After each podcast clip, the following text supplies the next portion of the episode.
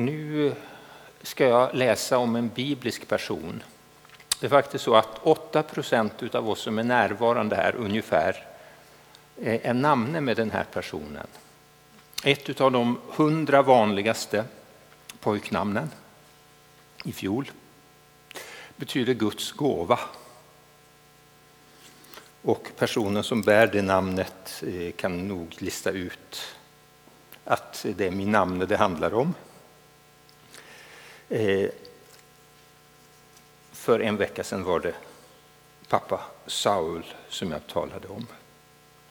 Nu ska jag läsa från det nittonde kapitlet i Första Samuelsboken. Saul talade med sin son Jonatan och med alla sina tjänare om att döda David. Men Sauls son Jonatan hade David mycket kär. Därför berättade Jonatan det för David och sa Min far Saul försöker döda dig. Var på din vakt i morgon bitti och håll dig undan och göm dig någonstans. Eh, själv ska jag gå ut och ställa mig bredvid min far på marken där du är och tala, om, tala med min far om dig. Märker jag något ska jag berätta det för dig.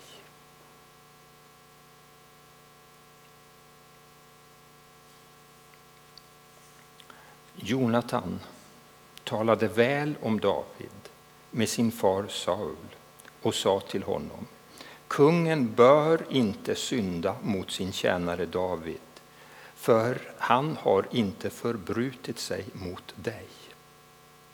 Det han har gjort har varit till stor nytta för dig. Han satte sitt liv på spel och slog ner filisteen och Herren gav hela Israel en stor seger. Du såg det och gladdes över det. Varför skulle du då eh, synda mot oskyldigt blod och döda David utan orsak? Saul lyssnade till Jonatans ord och svor, så sant Herren lever, han ska inte dödas. Sedan kallade Jonatan till sig David och berättade för honom allt som hade sagts. Jonatan tog med sig David till Saul och han var sedan i hans tjänst som förut.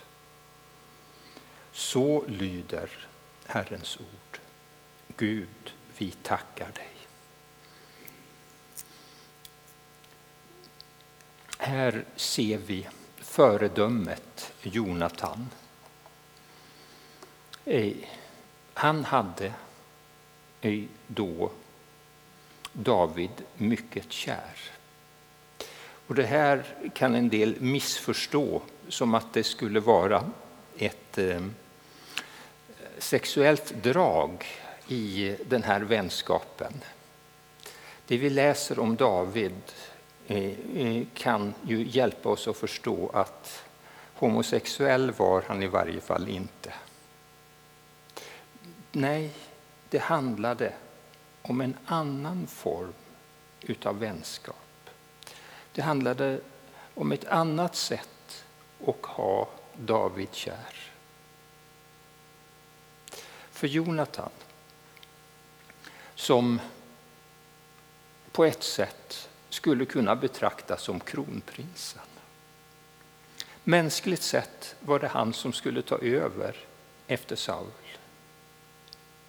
Han skulle ju, om man hade tänkt på sin position och varit lika ivrig efter att bli kung som Ulf Stenson eh, eh, och eh, Stefan Löfven är för att bli statsministrar då skulle han ju ha tagit vara på den här möjligheten från pappas sida att röja konkurrenten ur vägen.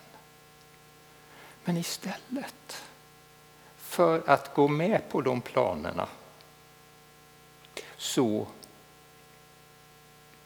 först så röjer han den här hemligheten för David. För att på det viset skona hans liv och därmed prioritera bort sin egen möjlighet att få bli kung. Istället avstod han från det och hellre spela andra fiolen hos David än att själv vara kung. Det var ödmjukhet hos honom.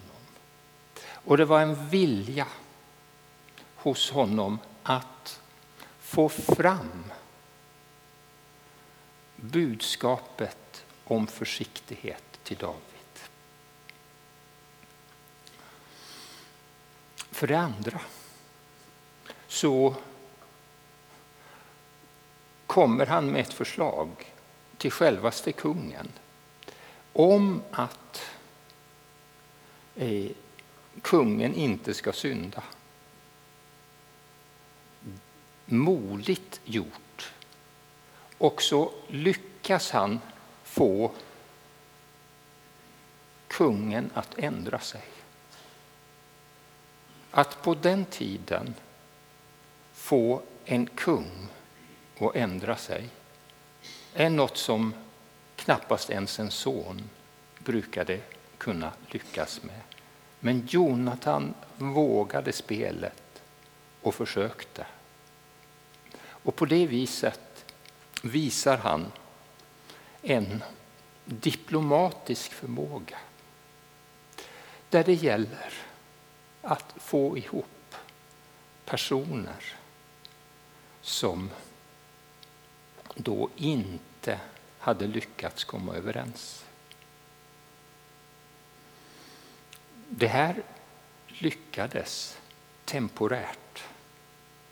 Men så kom de här mordtankarna igen hos pappa Saul. Lyckligtvis så blev det ingenting av med det här. De försök han hade, de misslyckades allihop. Det fanns ett beskydd över David som blev smord till kung, det vill säga som innan alla formaliteter var klara en mental förberedelse genom Samuels oljesmörjning att gå in i den här uppgiften som han senare skulle få. Det vi kan lära oss av Jonatan, Guds gåva, det är ett, ödmjukhet. Två, att gå in under det som är Guds plan. Tre, verka för fred. Oavsett om vi är namne med Jonathan eller inte så har vi ett uppdrag att på olika sätt gå in i de här tre rollerna. Hur har vi lyckats? I den mån som vi inte har gjort det på oss ankommer, låt oss be och bekänna.